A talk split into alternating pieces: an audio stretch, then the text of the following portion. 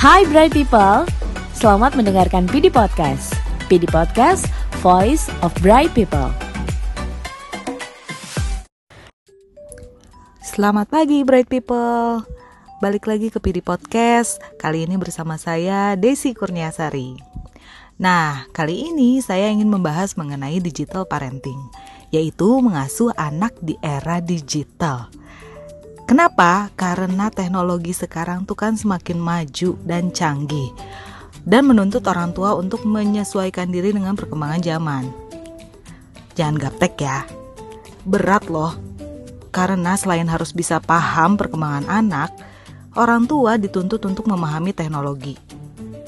Kalau nggak peduli dan nggak mau tahu, akan berdampak negatif untuk si anak dan dinamika keluarga serta tumbuh kembang anak itu sendiri.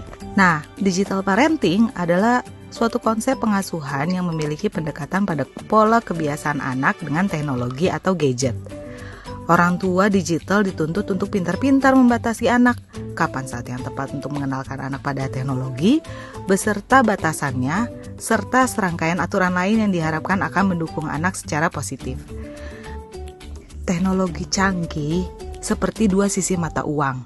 Di satu sisi akan memberikan pengaruh positif kalau dimanfaatkan dengan baik, sehingga anak tumbuh dan berkembang secara optimal. Namun di sisi lain, teknologi dapat memberikan efek yang buruk bagi anak dan dapat berkelanjutan sampai dia dewasa. Positifnya nih, teknologi seperti gadget, tablet, smartphone, laptop, TV, dan lain sebagainya dapat dimanfaatkan sebagai sarana untuk sumber pengetahuan, sumber kreativitas yang merangsang kemampuan teknis anak, sarana komunikasi orang tua dan anak, kemudian dapat juga menstimulasi kemampuan visual atau keruangan melalui games yang edukatif.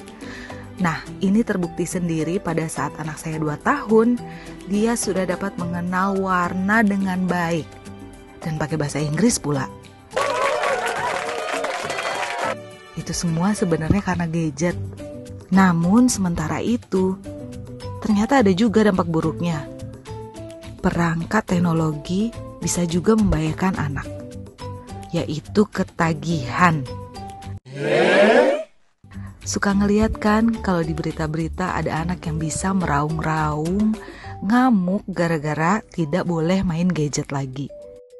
Teman-teman juga harus waspada atas tayangan dengan muatan pornografi yang tidak sesuai dengan usia dan kemampuan mental si anak.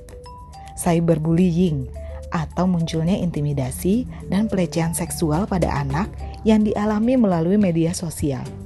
Kekerasan dalam online games yang tidak terstruktur sehingga menimbulkan pemahaman bahwa kekerasan itu adalah hal yang biasa dalam menyelesaikan masalah rumors atau berita-berita yang menimbulkan ketakutan, seperti kasus-kasus kriminalitas yang muncul pada tayangan-tayangan televisi yang membuat ketakutan pada anak.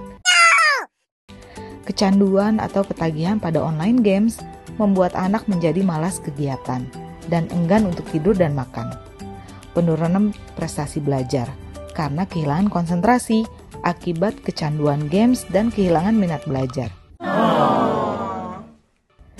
Kemudian anak menjadi suka menyendiri atau menolak untuk berinteraksi di luar rumah karena lebih senang bermain-main dengan teman yang berada di dunia maya. Anak bisa menjadi kehilangan jati diri karena menjadi pengikut dari budaya luar atau asing, sehingga sering kali membuat mereka kurang menghargai budaya lokal. Dan anak menjadi korban dari predator online atau pelaku kejahatan seksual yang mengintai melalui sosial media anak. Nah, maka dari itu, saya akan memberikan tips bagaimana menjadi orang tua yang cerdas di era digital. Jadilah orang tua yang mau belajar. Gak perlu menguasai teknologi yang canggih, namun perlu bersikap terbuka terhadap perkembangan teknologi dan memperbaharui diri dengan informasi terkini mengenai teknologi. Memonitor penggunaan gadget anak ini untuk menghindari anak dari kecanduan games atau internet. Monitorlah berapa lama waktu yang digunakan anak, jam berapa saja anak harus memanfaatkan waktu untuk belajar dan menggunakan perangkat teknologi. Apa aja konten yang boleh dilihat anak menjadi penting untuk kontrol orang tua. Kemudian, komunikasi terbuka dan efektif. Sikap kritis anak perlu disikapi dengan kemampuan komunikasi orang tua yang tepat.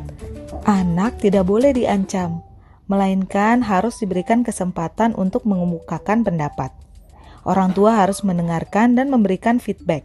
Contohnya, menginfokan mengenai apa itu pendidikan seksualitas dan juga etika dalam menggunakan teknologi. Lalu, kita juga bisa menjadikan teknologi sebagai sarana belajar anak. Orang tua menuntun anak untuk dapat memanfaatkan teknologi dengan tepat sebagai sarana belajar, menambah pengetahuan, berkreasi, dan mengembangkan daya imajinasi. Kemudian pelajari tentang media sosial. Orang tua perlu belajar mengenai ragam media sosial dan melakukan jelajah pada media sosial, sehingga orang tua dapat memberikan informasi yang tepat tentang pemanfaatan media sosial yang benar. Yang terakhir adalah membuat aturan penggunaan gadget yang disepakati bersama. Nah, teman-teman harus menjadi teladan atau role model kita harus memberikan contoh pada anak mengenai keseimbangan penggunaan gadget dalam kehidupan. Jadi, kalau di depan anak, jangan sibuk sendiri sama handphone atau gadgetnya ya. Usahakan memberikan waktu yang lebih banyak untuk anak dan keluarga. Yuk, kita jadi orang tua yang cerdas di era digital saat ini. Nah, sekian dari saya, Desi Kurniasari, PD Podcast. Bye!